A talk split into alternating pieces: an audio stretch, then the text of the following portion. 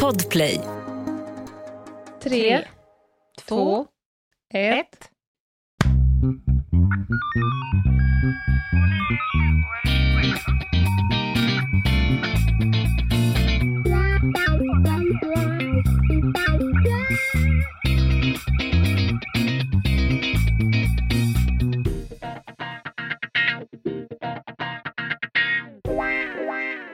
Välkomna till krimpoddarnas krimpodd Över min döda kropp med mig Anna Jinghede och Lena Ljungdahl.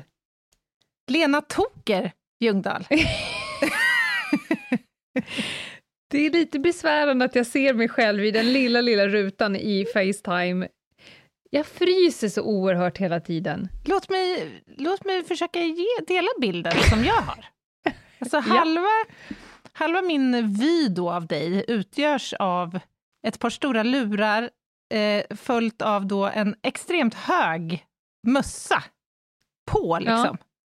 Fry- Utan på lurarna. Är du en fryslort? Ja, det är jag absolut.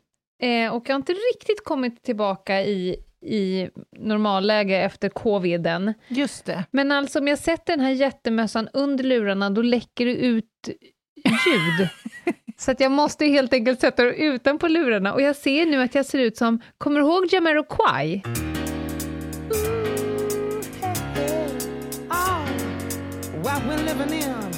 Ja, just Ja. det. Jag kommer också ihåg en film som heter Gökboet. ja, som jag direkt relaterar till. Kanske att jag kan ta en, en selfie sen och visa för er. Ja, nej, men det, här, Nåväl. det här med ljudläckage är ju inte roligt. Låt oss hoppas att du håller tätt hela den här sändningen. Mm, jag ska försöka. Ja, det hoppas jag. Men Anna, min Anna, vad Ja. spännande det kommer bli idag. Ja, men jag tror det faktiskt. Det här... Du har ju förberett ett, ett case. Ja. Kan man kalla Och- det historiskt case? Ja, det får man väl lov att göra. Jag vet inte var gränsen går för historiskt, nej. men det är gammalt i alla fall. Mm. Det här är ju ett case som har fascinerat mig eh, länge. Jag har läst lite böcker om det och jag har hört talas om det i olika sammanhang.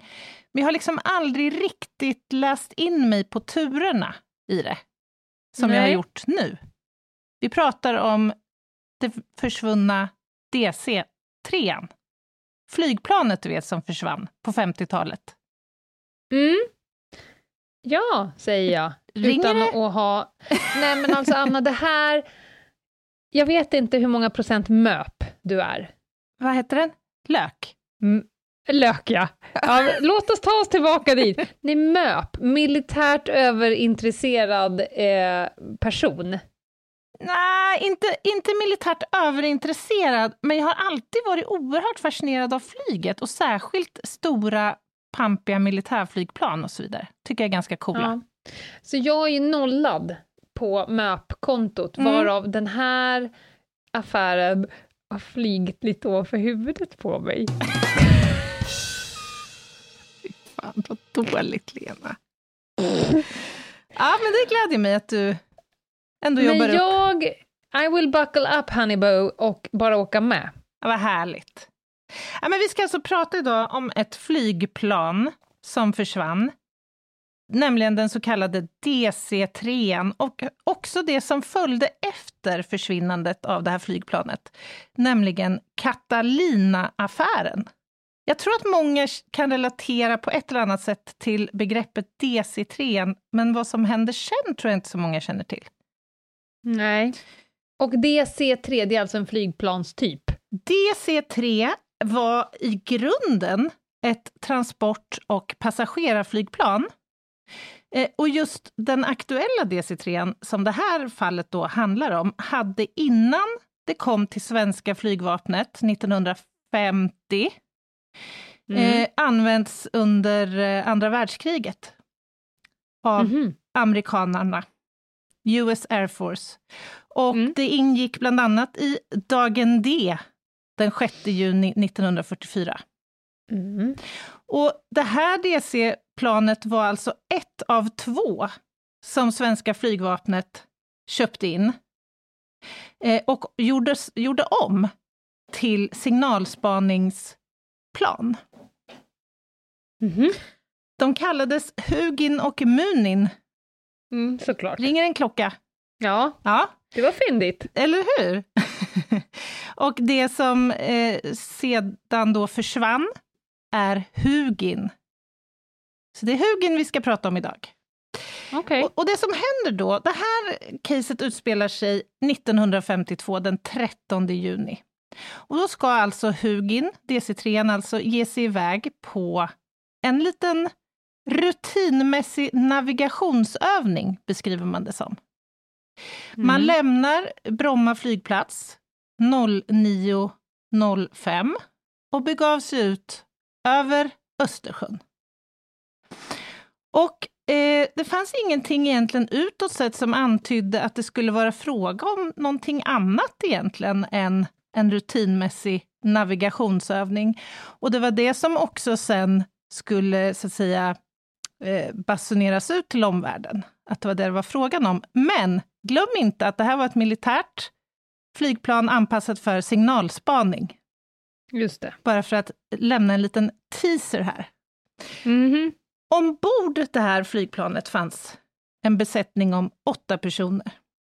Varav fem kom från Försvarets radioanstalt, FRA. Två Mm. från flygvapnet och sen en flygmekaniker. Var det någon form av standardbesättning på det här flygplanet? Det var Eh. inget special den här dagen? De här, just det här flygplanet hade gjort 53, har jag läst mig till, liknande flygningar tidigare. Mhm. med vad jag förstår i huvudsak den här sammansättningen. Men det är ju lite intressant att det är fem av besättningen som kommer från just FRA, Försvarets Mhm. radioanstalt, om det nu var en rutinmässig navigationsövning man skulle upp och göra. Mm. Hur som helst, i luftrummet här eh, i öst, över Östersjön och särskilt då i närheten av Gotland, öster om Gotland, så var det egentligen inte någon annan flygverksamhet vid den här aktuella tidpunkten. Däremot så var ju inte rad, eh, alltså kommunikationssystemen särskilt utvecklade vid den här tidpunkten och särskilt inte då radarluftbevakningen. Så att man hade Mhm. ganska dålig täckning här. Man kunde liksom inte följa flygplanet riktigt i realtid, så vitt jag förstår, på radarn. Så istället så hade man ett system då, som gick ut på att, att besättningen här skulle skicka, eh, liksom med hjälp av kod, så skulle man skicka Mm. meddelande då var tjugonde minut. Okej, man plottar sig själv. Ja, men precis. Och syftet med det var ju då att ange en position, ifall det skulle hända någonting, en olycka eller någonting annat. Just. Mm. Så 09.05 ly- lyfter planet och 10.25 så kommer då ett kodat meddelande. Eh, 10.46 kommer ett nytt kodat meddelande, inga konstigheter så att säga. Det sista radiomeddelandet, det kommer 11.08 och lyder Allt väl ombord. Och då kan man se att flygplanet befinner sig eh, 47 kilometer öster om Fårö och på cirka 4 000 meters höjd. Sen kommer det ett anrop 11.23, men det blir direkt avbrutet. Så man får Mhm. liksom inget meddelande. Och eh, F2, alltså Hägernäs flygflottilj, de besvarar det här anropet, men får liksom ingen kontakt tillbaka. Okej. Och därefter så är det alldeles tyst. Det här, eh, den här flygningen förväntades eh, sluta klockan 12. Planet förväntades landa då på Bromma flygplats igen klockan 12.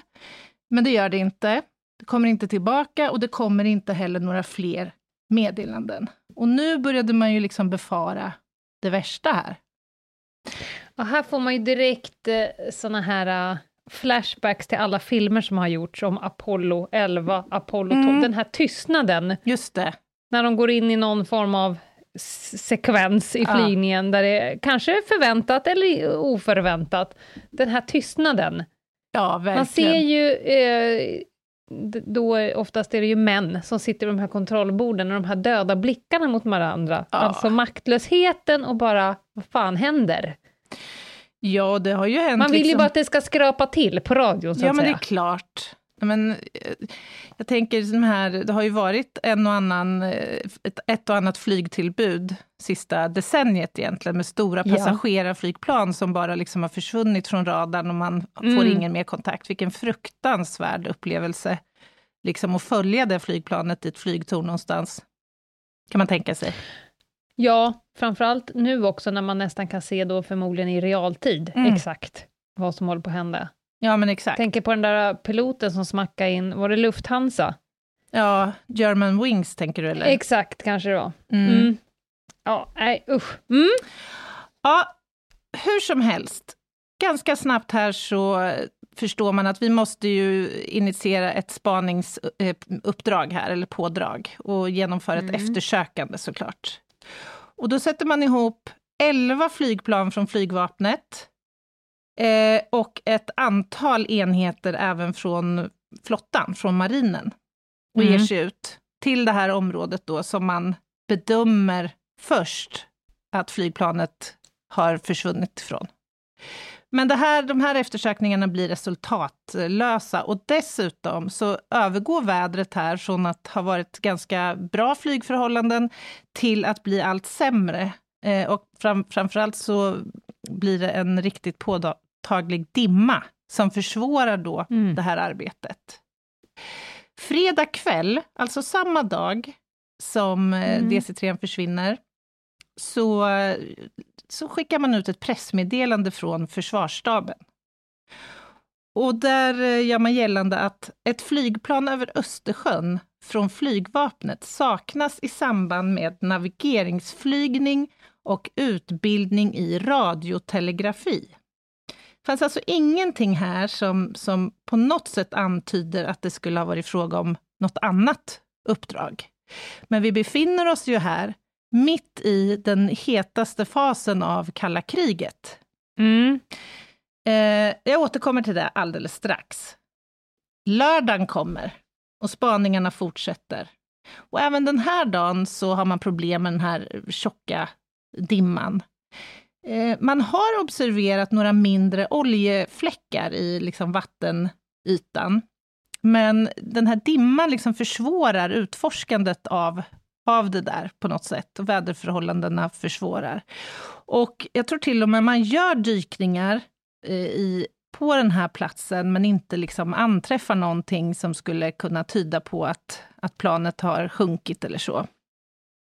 Mm. Eh, däremot så är det flera personer från Gotska Sandön som vittnar om att de har sett på fredagen ett flygplan kretsa som i en åtta över ön.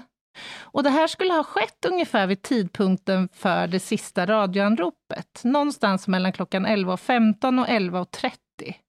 Så att den här positionen runt Gotska Sandön blir ju såklart intressant att titta närmare på. Mm. Men söndagen kommer, söndag morgon. Och då hittar man någonting i vattnet vid huvudskär. Ett gult föremål som ser ut som en, eh, liv, eller en sån här uppblåsbar gummibåt. Mhm. Eh, och man tittar närmare på det här och eh, konstaterar att mycket riktigt det är en, en gummibåt och man kan inte utesluta att den här kommer från DC3. Positionen här eh, är en bra bit från det primära sökområdet, men samtidigt så blåser det ganska kraftigt och man tänker sig att den skulle kunna ha drivit omkring då en bra bit. Den här tas till Stockholm och undersöks närmare. Och det visar sig att den här kommer mycket riktigt från det saknade planet och den uppvisar spår av rysk ammunition. Ja, men, hur sjukt, alltså att man Mm. kan... Ja. Eller hur? Mm. Så här nu så väcks ju misstankarna om att det kan vara ryssarna som faktiskt har skjutit ner DC-3. Måndag, tre dagar senare, och nu intensifierar man spaningarna. Man har fortfarande inte sett varken livstecken eller några fler delar från flygplanet mer än än gummibåten. Man tyckte ju här kanske att det, skulle, att det var förväntat att det skulle flyta upp föremål eller att man skulle hitta någonting från ett helt flygplan som skulle ha sjunkit. Eh, och det där förbryllar naturligtvis. Eh, men man bestämmer sig för att vi måste intensifiera spaningarna och man skickar då sjöräddningen och två så kallade Katalinor. Mm, Två flygplan. är? Det är också flygplan, men Mm. inte några liksom stridsflygplan eller så, utan de här används för sjöräddning helt enkelt. Ja. Och uppdraget blir då att de här flygplanen ska eh, ge sig ut på, eh, i luftrum som ligger väldigt nära den ryska territorialgränsen. Man hittar ingenting där heller och beslutar sig då för att vända om efter många, många timmars sökande. Och det här är då tidigt på morgonen, tio över fyra på morgonen. Och när man då viker av västerut mot Bromma, eller var de nu... Nej, de kanske förresten inte går till Bromma, det spelar ingen roll. Men när de viker av från sin kurs tillbaka, Mm. då dyker plötsligt två av ryssarnas jaktflygplan upp. Så kallade MIG-15-plan. Och jag vet inte hur bevandrad du är i, i svensk flyghistoria, men flygande tunnan kanske du bekant med? Ja, hört talas om ja. Mm. Man skulle kunna jämföra i någon mening MIG-15 med tunnan. De är eh, prestandamässigt ganska likvärdiga, har jag förstått. Mm. Det som händer är att de här jaktflygplanen börjar beskjuta Katalinorna. Men de bestämmer sig för att de ska fortsätta sin kurs, trots då att ryssarna försöker få dem att istället följa MIG-planen och vända om och gå österut, mot eh, Ryssland alltså, mot Sovjet. Mhm. Eh, men man bestämmer sig för att man ska fullfölja kursen eh, tillbaka mot eh, svenskt farvatten, så att säga, eller luftrum. Eh, och man beskjuts. Och då ska man veta att de här MIG-15-planen, de har en maxfart på 1000 kilometer i timmen och de var kraftigt bestyckade med vapen. Mhm. Det ska vi då jämföra med Katalinorna som har en maxhastighet eh, på 250 kilometer i timmen och hade, det de hade som var vapenlikt ombord var signalvapen. Men de är inte bestyckade överhuvudtaget. Hyfsat stresspåslag. Ja, det kan, man, det kan man tänka sig. Och det som händer här då, det är att man först beskjuter motorerna. Och det beskrivs att de beskjuts ungefär en gång i minuten under tio minuters tid. Andre piloten skadas. Han får Mhm. armen, ena armen avskjuten. ja, det här är helt sjukt. Alltså, för, föreställ dig att sitta där uppe. Man är nog, känner sig nog ganska liten. Kulorna viner kring öronen på en och Ah. i ens arm. Mm. Och piloten måste man ju säga, tillsammans med andra piloten, är ju otroligt rådiga, för det som händer är att de eh, går ner på lägre höjd Mm. och ser på, i, till havs att ett stort lastfartyg ligger där. Mm. Så de tänker att de får försöka landa på vatten och hoppas helt enkelt på det bästa, att de kan bli upplockade av det här fartyget. Och med hjälp av andra pilotens, för tydligen så sitter, satt flera av reglagen på hans sida. Så piloten var Ja. tvungen liksom att få, de var tvungna att hjälpas åt här för att kunna ta ner flygplanet, men de lyckades med det. Och alla i besättningen överlever. Men alltså, medan du pratar nu, jag var tvungen att googla här på Catalina. Mm. Jag vet inte hur jag ska förklara, men det känns lite eh, Doktorn kan komma, Ja. Victor Charlie Charlie, Precis, som jagas av ett jävla s- strids...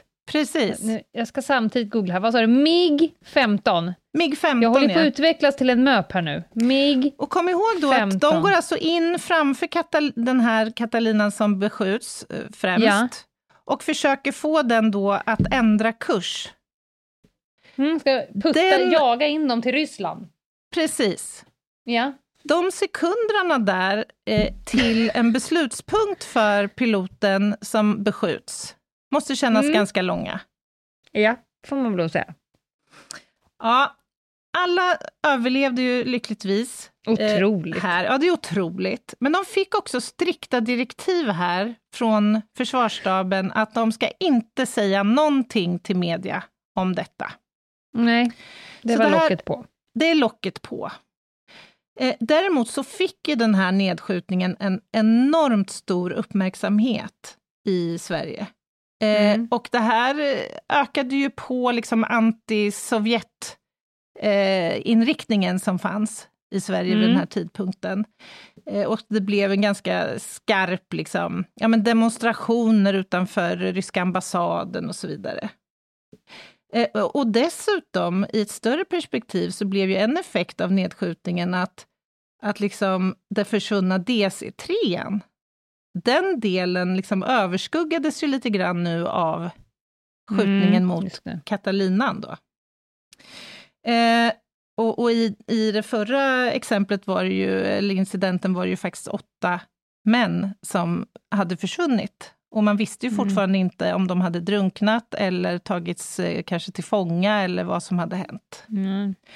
Det blev starka reaktioner av det här, men ryssarna är väldigt tidiga med att tillbakavisa att de skulle ha haft någonting med detta att göra. Mm. Eh, sen, sen kom det fram, det började pratas lite grann i termen om att katalinorna då skulle kunna ha kränkt ryskt territorium. Eh, och ryssarna anförde i något sammanhang till och med att de skulle ha öppnat eld. Men Mhm. Signal... precis, det var ju bara det att ombord... Vapens eld. Precis, det, de var ju inte överhuvudtaget eh, bestyckade. Men DC-3 påstod man sig i alla fall inte veta någonting om. Det vill man inte alls kännas vid. Och man kan ju fundera på hur man ska förklara allt det här som hände under den här perioden. Eh, och varför Sverige överhuvudtaget bedrev signalspaning vid den här tidpunkten. För det tycker jag är ganska relevant att Mm. förstå i sammanhanget. Eh, man hade ju, som jag nämnde, pratat om att man skulle genomföra navigationsövningar och jag tror att det var ganska många som, i alla fall verksamma inom försvaret och flygvapnet och sådär, förstod att det var nog fråga om någonting annat. Men FRA bedrev ju en väldigt, eh, inte ljusskygg, men sekret verksamhet kan man väl säga av... Ursäkta? Av rimliga skäl ju. Alltså, det, det- orden, bestyckade plan och en sekret... Jag älskar alla. Ja, Please go on. Det var ju så här att i slutet av andra världskriget så förstod man ju vikten av att kunna underrättelsevägen få information om vad andra länder helt enkelt höll på med. Och då var det ju morsesändningar framför allt man inriktade sig på. Och tack vare avlyssning av morsesignaler, både krypterade och icke-krypterade, så kunde man ju plocka upp jättevärdefull information om vad som pågick liksom i motståndarens eh, läger, så att säga. Mm. Eh, och under världskriget så var det ju framförallt tyskarnas eh, meddelanden som man ville plocka upp, såklart. Eh, och det här behovet att kunna jobba underrättelsemässigt så här, det kvarstod ju naturligtvis efter, även efter att världskriget var slut, för det var ju fortfarande liksom oro i, i världen. Eh, och det var ju också vid den här tidpunkten som FRA då faktiskt också organiserade sig på riktigt. Och vid den här tidpunkten så bedrev man ju sin verksamhet alltså 30-40 meter under jord. Och Mm. i, ingen visste egentligen var de höll till någonstans. Nej. Idag är det ju mer känt var de liksom huserar. Det är ju inte så sekret, så att säga. Nej. I Östersjöområdet så tilltog den här underrättelseverksamheten eh, när liksom kalla kriget fick fäste. Och det berodde ju på att Sovjet hade liksom nu positionerat sig, flyttat fram sina positioner och började eh, liksom upprustning. Började bygga upp både flyg och marinbaser. Eh, och Sverige var ju liksom neutrala och ville Mm. hålla sig neutrala, såklart. Men var ju samtidigt intresserad av att följa då vad som hände på andra sidan Östersjön naturligtvis. Och Sverige kom ju också att bli intressant för andra västländer. så som jänkarna, britterna Mm. med flera. Eh, och det berodde ju på att vi hade ett geografiskt tacksamt läge, helt enkelt. Ja. När andra världskriget tog slut så, eh, vi höll oss neutrala som jag sa, men däremot så eh, trappades underrättelseverksamheten då upp vad rörde Sovjets förehavanden. Helt enkelt. Och vi hade vid den här tidpunkten också ganska bra verktyg för spaning, nämligen då våra flygplan. Vi var ganska starka, så vitt jag förstår, flygvapenmässigt och hade bra Mm. grejer helt enkelt. Vi hade flygplan som kunde hjälpa oss att komma nära eh, och fånga upp då signaler som var praktiskt taget omöjliga att fånga upp från land. Och nu pratar vi då flera tusen meter upp i, i luften. Och särskilt då när de här DC-3 köptes in eh, och var liksom färdigställda då 1950, så hade vi nu väldigt bra förutsättningar att fånga upp eh, radarsignaler, helt enkelt. Jag nämnde inledningsvis att de här flygningarna över Östersjön hade pågått under en, en ganska lång tid. Det var DC-3ans 53 uppdrag som blev eh, det sista. Och det man tror då skulle ske, det var att fånga upp signaler från sovjetiska eh, radarstationer helt enkelt längs den baltiska kusten. Eh, så att man kan tänka sig, och det stämde ju ganska väl med liksom positionen här för eh, flygplanets försvinnande. Så att, Och besättningen. och besättningen, exakt. Och det var ju, så vitt jag förstår, oftast samma rutter i princip som, som det här planet tog. Så det kan ju också förklara att det var just då Baltiska kusten som var central och intressant för att, för att fånga upp de här radarsignalerna helt enkelt. Eh, och det här var ju känt såklart av det sovjetiska luftförsvaret, att Sverige var intresserat av att fånga upp de här eh, signalerna naturligtvis. Dessutom så var ju det här någonting som skedde på internationellt vatten. Eh, Så Mm. även besättningen ombord här förstod ju rimligen farorna med de här uppdragen. Och jag har lyssnat på dokumentärer bland annat där man intervjuar deras anhöriga, deras fruar och så vidare. Och de fick ju alltså inte veta någonting om detta. Och då ska vi minnas att en stor del av besättningen här, de jobbade ju till vardags på FRA. De hade inte ens uniformer på sig. De var civilklädda, helt enkelt. Och det kan man ju tänka sig i förlängningen vad det skulle innebära om man skulle tillfångatas. Det finns ju ändå vissa eh, lagar man måste förhålla sig till om man tillfångatar soldater. Mm. Men de var ju civila och man kan ju bara sätta sig in för ett ögonblick i den oro det måste ha väckt hos anhöriga till dessa, när man skildes åt liksom på, på morgonen. Och det var inte heller den första befarade skjutningen mot flygplan i Östersjön, detta. Utan det här hade hänt flera gånger tidigare och samma dag som det svenska planet försvann, så hade ett amerikanskt signalspaningsplan skjutits ner över Japanska havet med 12 man ombord. Så att det här var ju väldigt, väldigt farliga uppdrag. Mm. Mm. Nåväl, tiden gick här och Sovjet eh, fortsatte dementera kännedomen om eh, nedskjutningen av DC-3. Däremot så har framkommit att 1956, alltså bara några år efter den här händelsen, så ska då Sveriges statsminister Tage Erlander ha träffat den då sovjetiska ledaren Nikita Khrushchev. Och då ska Khrushchev ha erkänt att sovjetiska jaktplan hade skjutit ner DC-3.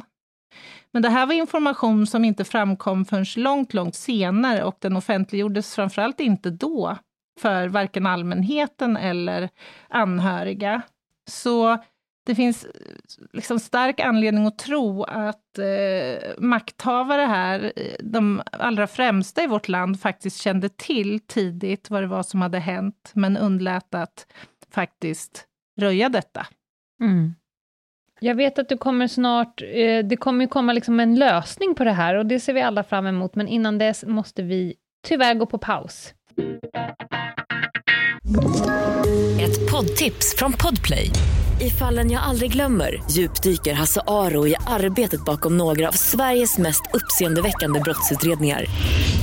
Går vi in med hemlig telefonavlyssning och, och då upplever vi att vi får en total förändring av hans beteende. Vad är det som händer nu? Vem är det som läcker? Och så säger han att jag är kriminell, jag har varit kriminell i hela mitt liv men att mörda ett barn, där går min gräns. Nya säsongen av Fallen jag aldrig glömmer på Podplay. Ett poddtips från Podplay. I podden Något Kaiko garanterar östgötarna Brutti och jag, Davva, dig en stor dos skratt. Där följer jag pladask för köttätandet igen. Man är lite som en jävla vampyr. Man har fått lite blodsmak och då måste man ha mer. Udda spaningar, fängslande anekdoter och en och annan arg rant.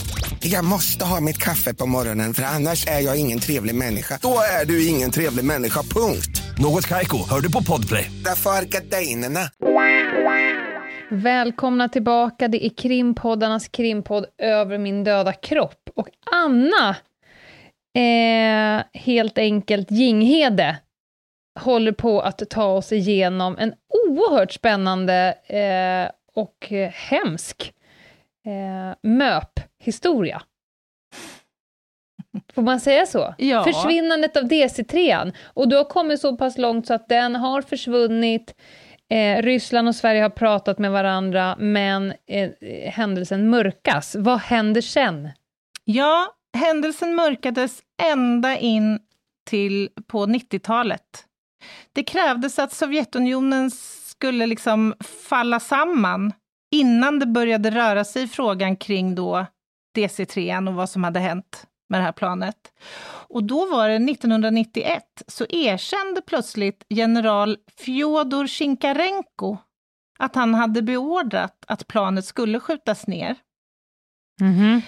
Eh, och dessutom, året efter, alltså 1992, så gick Rysslands regering ut offentligt och eh, tog starkt avstånd från detta, fördömde att man hade gjort det här. Och det var väl ett sätt att bibehålla liksom, de diplomatiska relationerna, så att säga.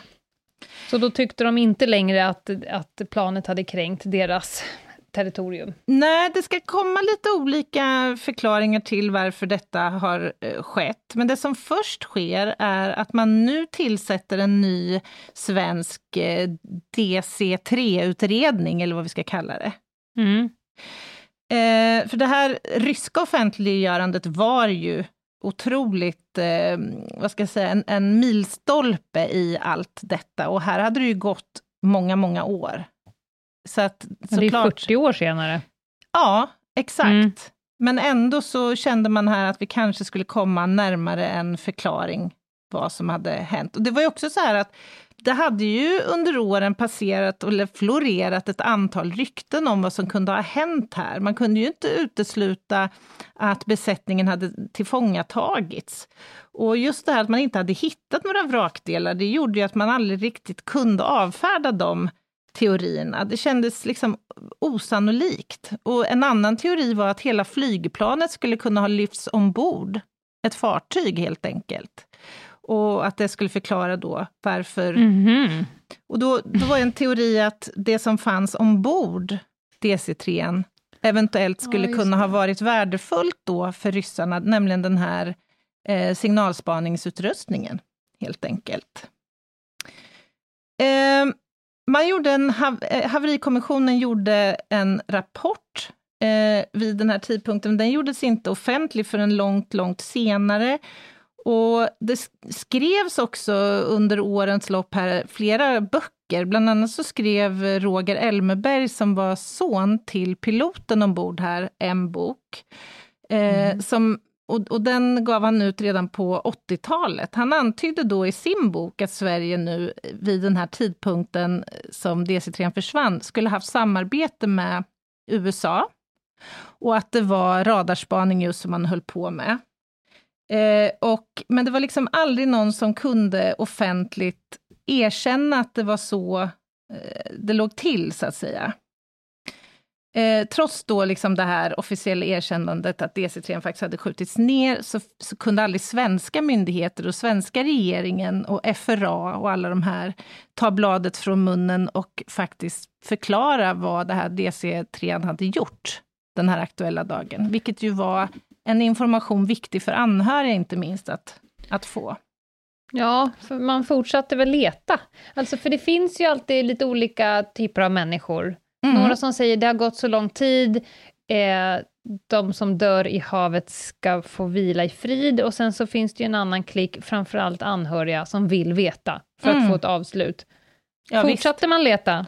Ja, men visst gjorde man det. Marinen gjorde en, en ganska omfattande operation under 1990-talet, bland annat, men det var resultatlöst. Eh, men i mer modern tid så börjar man fundera på hur man skulle kunna eh, hantera det här och hur man, vilket område helt enkelt som skulle vara vettigt att inrikta sig kring. Och då var det så att det beskrevs i ett område utanför Gotland att fiskarna hade haft problem med sina nät, att de fastnade flera gånger i ett specifikt område. Mm -hmm. Så eh, år 2000 så gav sig en liksom, privat aktör i sammanhanget i kast med att försöka genomsöka det här området tillsammans med ett team. Och det här var ju super, super hemligt för omvärlden. Eh, men han hittade tyvärr ingenting. Däremot så gav han sig inte, utan han satte ihop ett, ett nytt team helt enkelt. Och vid den här tidpunkten så hade en ny rapport släppts där nu plötsligt upp, vissa uppgifter faktiskt offentliggjordes. Bland annat om att Sverige just hade haft ett samarbete med väst. Där framkom mm. också att angreppet mot DC-3 hade skett tidigare än vad man hade trott. Alltså minuter tidigare. Ja. Vilket eh, liksom ledde den här gruppen eller teamet till en ny plats att söka på. Men inte heller denna gång lyckades man. Så det den här privatdykaren då med sitt team gjorde, det var att han insåg att vi måste gå tillbaka till grunduppgifterna. Vi måste liksom mm.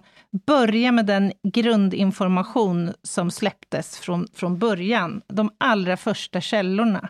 Och tillsammans då med liksom dagens eh, marin liksom teknik och möjlighet att räkna på strömmar och annat, så, så fick man fram nya positioner. Och det visade sig att just detta område hade inte marinen sökt av 50 år tidigare.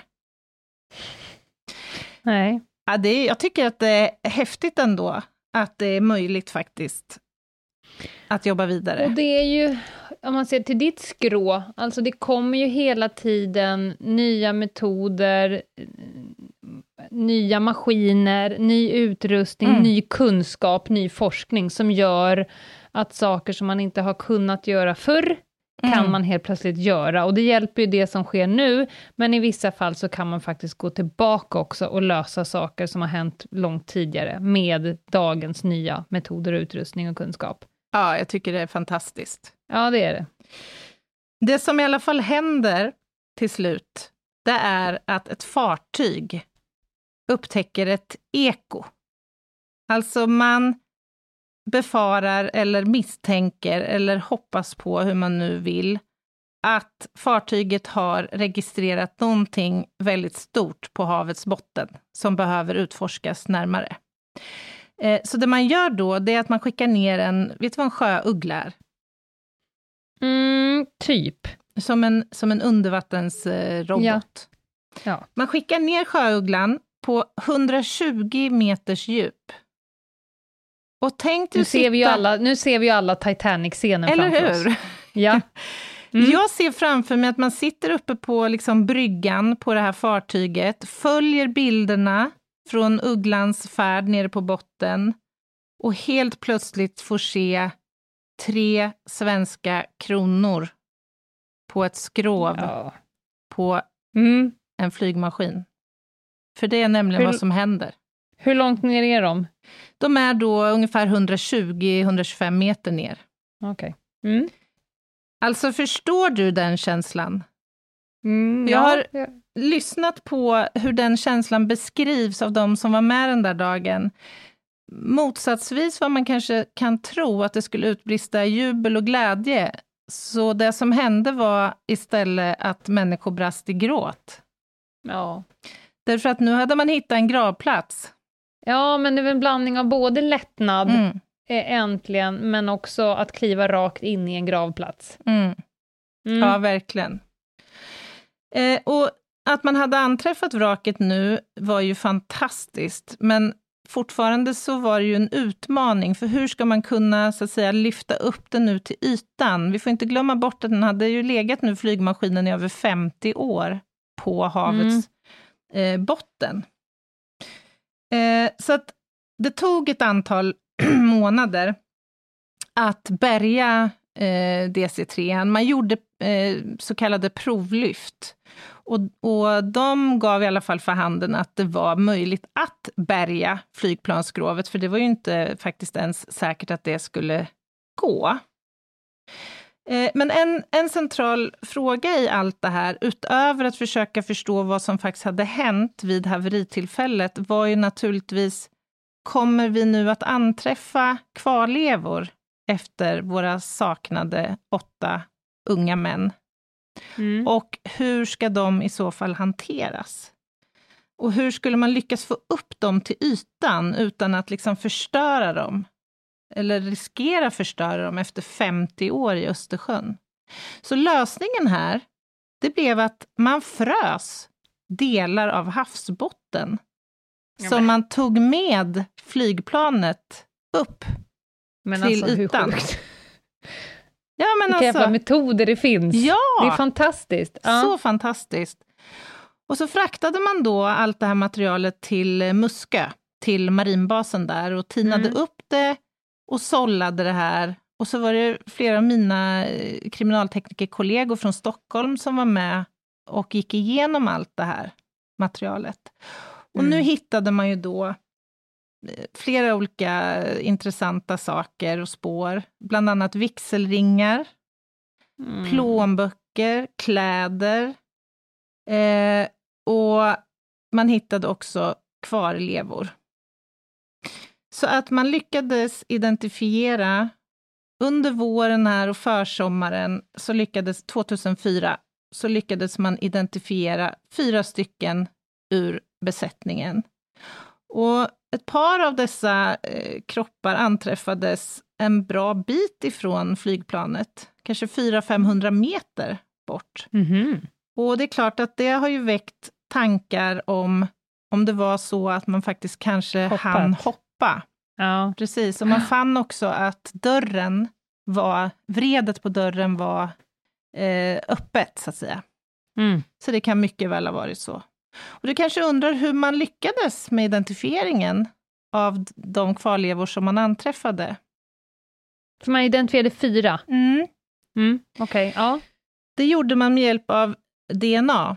Det fanns eh, möjlighet i något fall, vet jag, med hjälp av tänder, men det var inte tillräckligt för identifiering. Så man lyckades med DNA och så kallad associativ identifiering, det vill säga tillhörigheter, inskriptioner i ringar och annat. Men det, det gick Mhm. med DNA som var den främsta identifieringsmetoden. Mhm. Och detta har vi ju att tacka att på det här djupet i Östersjön så är det både kallt och väldigt syrefattigt. Just det. Vilket ju är en stor fördel ur identifieringssynpunkt. Och det här inträffade ju då 2004. Och eh, det är ju så att fyra av besättningsmännen tyvärr saknas fortfarande. Men exakt 52 år efter nedskjutningen så fick samtliga åtta besättningsmän via deras anhöriga en postum utmärkelse Mm. nämligen Försvarsmaktens förtjänstmedalj i guld. Och även om man kan känna sig otroligt lättad och glad, kan jag tänka mig som anhörig, att ha fått vissa svar, så kan man ju också förstå att den här mörkläggningen och den här oviljan att släppa på information och så vidare under kanske främst 80 och 90-talen, eh, måste ju ha försvårat något oerhört för för anhöriga och för krafter som hade ambition att försöka gå till botten med vad det faktiskt var som hade hänt DC3. Men vad säger du, är det ett pris vi betalar för ja, rikets säkerhet kanske? Alltså det där är så, det är så obarmhärtigt, men också svårt. Om man skulle klä sig i rollen som anhörig, då vill man ju bara veta allt nu, mörka mm. inget, jag skiter i riket och rikets säkerhet. Mm. Men om man sitter i beslutsfattarposition och man bygger lagar och så vidare, då ser man ju kanske... Vi har ju ganska mycket lagar i Sverige som där individen får böja sig för det kollektiva vinsten. Mm. Och det här är ju ytterligare ett sånt tillfälle, mm. där någon då, rätt eller fel, det vet vi inte eftersom det under så många år var tyst, mm. men att man då och då tar beslut att eh, lägga yppande förbud, locket på, mörka, för en annan vinst. Jag tror inte att det är någon som inte förstod att anhöriga vill veta, men att man tog Nej. ett beslut emot ja. den kunskapen. Men det finns ju alltså beskrivningar av hur rapporter som har eh, gjorts i frågan har innehållit vad man tror är förfalskade uppgifter och förfalskade mm. dokument som eh, så här med facit hand ändå kan kännas ah, kanske inte släpp information alls då, hellre än att Nej. försöka vilseleda, Nej. jag vet inte. Ja, men det är förfärligt. Mm, det är förfärligt. Men jag kan också nämna att det kanske är några nu som är intresserade av att få veta mer om det här, tycker jag, historiskt eh, intressanta. Alltså det här är ju ett case som, som är intressant på så vis att man får ju en faktiskt historisk eh, lärdom och, och kunskapshöjning. Jag tror inte att många vet hur Sverige, alltså vår roll under den här tidsperioden hur den har sett ut. Nej, men det är en tidsmarkör. Alltså, ja. Anna, du berättade den här berättelsen, eller fruktansvärda historien, fantastiskt pedagogiskt och spännande. Men jag måste säga att det är, en, liksom en, en, eh, För det första är det ju en kunskap om allt från identifieringsarbete och sökarbete och arbetsmetod och så vidare. Men det är ju framförallt en tidsmarkör. Mm av Verkligen. svensk historia, ja. som man inte behöver vara det minsta möpig för att eh, uppskatta. Och eh, kanske till och med en släng av allmänbildning. Mm. Ja, jag, jag mm. håller med. Det är intressant. För, det, för er som är fortsatt intresserade så finns det ganska många böcker skrivna. Bland annat eh, en bok av eh, pilotens, Elmebergs son, som heter Flygaren som försvann. Eh, det finns också en annan bok som jag läst som jag tyckte var väldigt bra. Av, den är skriven av Björn Hagberg och heter DC3 på jakt efter sanningen. Google it. Google it. Jaha, Lena, det var det. Eh, jag ja. vet att du eh, har översvämmats av rövhattar sista tiden och behöver få ur dig en. Alltså, egentligen, egentligen är det ju dags för en lista, men eh, du har varit så djupt fokuserad på havets botten. så att, ja, jag fick, jag fick en fri chans av dig att köra en extra rövhatt, och det ja, har jag. Det ser jag fram emot. Men först, ska vi dra lite samhällsinfo av det hedliga mm. slaget? Låt, det tycker jag. Låt oss eh, slå ett litet slag för vårt Instagramkonto som heter Ljungdahl och eh, Ginghede. Där har vi väldigt trevligt, må ni tro. Så titta gärna in där. Och vill ni lämna synpunkter eller feedback, som Lena brukar säga, då går det bra att mejla oss på hej och ginghede.se. Men kan jag få rövhatt någon gång, eller? Nu kommer den! Lenas rövhatt. Den är liten men naggande god den här Jaha. veckan. Och jag vet att du liksom jag drabbas Aha. av just den här eh, exceptionellt irriterande rövhatten. Okej. Okay. Och varför jag vet det är för att det drabbar dig medans du umgås med mig. Vet du vart jag är på väg? Nej, nej, jag är inte riktigt med här. Du vet situationer när man befinner sig under någon form av nivå av koncentration. Aha. Till exempel, man spelar in en podd. Mm -hmm. Man är inne i ett samtal. Någonting som gör, eller du sitter i ett rum som ekar väldigt mycket om du skulle svara i din telefon. Just det. Just det. Ja. Man vill inte bli störd. Nej, Då, nu vet ju jag, ni behöver absolut inte mejla att det finns en stör ej-funktion på telefonen. Jag vet det.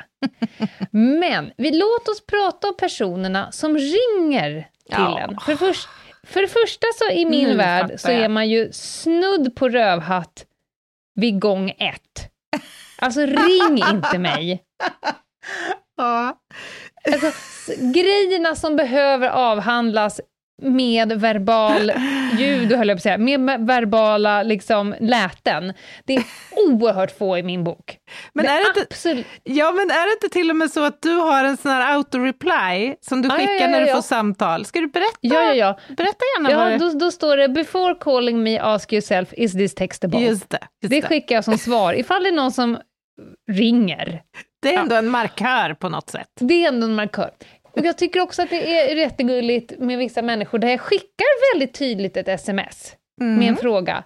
Och personen med vändande post ringer upp Ja, för att svara på min fråga som Just kom det. i text. räckte Men det var nej. absolut inte det det skulle handla om idag. Utan idag handlar vi om de som levlar i rövhatteriet. Mm. Någon ringer mig medan jag poddar. Mm. Jag är skitsnabb med mitt finger och trycker på den röda knappen, det vill säga jag trycker bort Ja. samtalet. Mm-mm. Mm. Jag vet inte om du har upplevt det någon gång, men blir man borttryckt, då, bli, då, då ger ju det en signal till hjärnan att nu blev jag borttryckt. Just det, det, det, det skickar någon slags signal om att jag tror inte hon kan prata nu. Eh, nej. Nu kommer vi till rövhatten. Då kommer personen att ringa igen inom tre sekunder. Ja, ja. Så att man trycker bort en gång till. Och någonstans där ska jag tänka så här, nej men alltså personen kanske inte hängde riktigt med där i svängarna. Nej, då ringer den igen Ja, ja, inom ja. tre sekunder. Mm. Det är då jag med caps lock skriver ett sms medan jag då poddar, Mm. bara för att få stopp på skiten. Just det. Vad är det du inte förstår Mm. med att jag trycker på röd knapp? Ja, yes. Ja, jag är helt, helt med dig här. Det där Vad är ett... är det som gör att människan... Alltså, och då, jag vet inte hur många gånger jag har behövt beskriva den här lilla sagan, när vargen kommer. För jag sa så här, den gången som du håller på att dö, Ja, har brutit benet, eh, har, inte vet jag, att du behöver omedelbar hjälp som Mm. inte bör gå till Mm-mm. 112 utan ska gå till mig. Mm. Den gången så kommer jag med 100% säkerhet trycka på röd knapp, röd knapp och jag kommer att tänka jätteonda tankar om dig medan du ligger med ditt brutna ben. Och det kommer inte gynna någon av oss i efterhand. Jag kommer få dåligt samvete och du kommer tänka vad mycket bättre det varit om du hade svarat. Så spara den situationen. just det, ser det Till som en nöd. livlina. Som... Ja, för att om jag inte vet när det är nöd så kommer jag alltid att trycka bort dig. Mm, just det.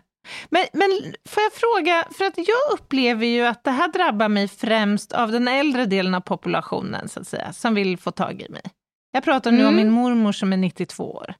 Och då kan man ju Ja. ha viss så här, förståelse för att de kanske inte har viss, alltid kläm på tekniken. Och då har jag märkt att det som funkar i de fallen, det är att låta signalerna gå fram tills de kommer till mobilsvar. För då på något sätt så skickar en signal till henne att nej, Anna är nog upptagen. Men den här andra abrovinkeln, den har liksom inte satt sig. Det är mer så Anna är dryg och Ja. jag bryr mig inte om det. Men jag tror, jag har en teori. Förr i världen, vi, du och jag är ju så pass gamla så att vi har upplevt nummerskivan. När man drog med Ja. fingret ett varv, släppte den så här. Och sen tog man tag i, det var jättejobbigt med många som hade nior och åttor i sitt nummer, Ja. för att man fick ju för fan lepra Och när i man kom fingret på att innan. man hade slagit en siffra fel och fick Ja, då börja fick om. man ju trycka ner den här lilla, pop, pop, och så börja om. Jag tror att om det hade... Nu, det här är ett tips till produktutvecklarna för telefoner. Aha. Ni som tänker att ni ska införa kortfunktion eller sån här snabbfunktioner Ja. för att ringa någon, det är djävulens påfund. Ja. Lägg istället in att det är jätte, jätte, jättejobbigt att slå någons nummer. Ja, just det. Man, Så kanske, man kunde införa någon form av betingad reflex, att man får en liten, liten, liten elstöt bara. Eller? Som Pavlos hundar. Ja, just det. Alltså för att om det är jätte, jättebesvärligt att ringa till mig och jag trycker bort dig, då kommer du ha ett lite högre tröskel till att bara, Ja. Jag, jag börjar om. Nu ska vi se här. Ett. Det är ändå ett par signaler. Men om det är så pass lätt så att du bara behöver trycka på senast uppringning, det är för lätt. Ja. Jag hävdar att det är för lätt. Ja, ja. Så att egentligen riktas ju veckans rövhatt till telefonutvecklarna, Mm, som har mm. tagit bort tröskeln. Just det. Man, Men också för att, att trycka bort en person, mm. att vara koncentrerad, öppna upp sms-grejen och, sk- och skriva “sluta ring för i helvete”. mm, mm. Det är ju jättejobbigt för mig som mottagare. Och, och nu kommer också, när jag väl ringer upp personen, och då har ju jag andan i halsen och så säger jag så här, “Gud, vad är det som har hänt?” Och personen säger så här, “Har du sett att...” eh?" Ja. Man bara, nej men alltså, Nej, jag, jag, är det det som är så viktigt? Nej, det är obegripligt det här. Det är obegripligt för människan Mm. är funtad. Findings 1. Ring inte om du kan smsa. 2. Ring inte igen om någon har tryckt på röd knapp. 3. Utveckla telefoner där det är jättejobbigt att ringa någon, så att man verkligen... Det ska vara som att springa milen innan du trycker på knappen. Ja, ja bra sammanfattat. Bra rutet. ja. Nej, men det var väl det. Nu vart jag varm, jag sätter på mig mössan igen. Ja, underbar rövat. Jag tror att många kan Mm. relatera. Jag själv bland annat. Jag undrar om jag ska låta min mormor lyssna på det här avsnittet. Jag Kanske ska kan låta min son lyssna. en liten läxa. Mm. Ja. Mm. Nej, men När man hörni, väl kommer fram och, och budskapet är “Kan du swisha mig?” Ja, absolut. ja, men det går väl alldeles utomordentligt bra att messa och fråga. Utropstecken, utropstecken. Mm, ja. Mm. Ha, Hörni, ta nej, hand om men er. det var väl det. Det var det. Vad sa du? Jag tar hand om er där ute, har jag sagt Ja, det gånger, tycker jag tror att ni ska göra. Ja, ja. Och sen så hörs vi när vi hörs lite senare. Ah, det blir bra. Bye! bye, bye.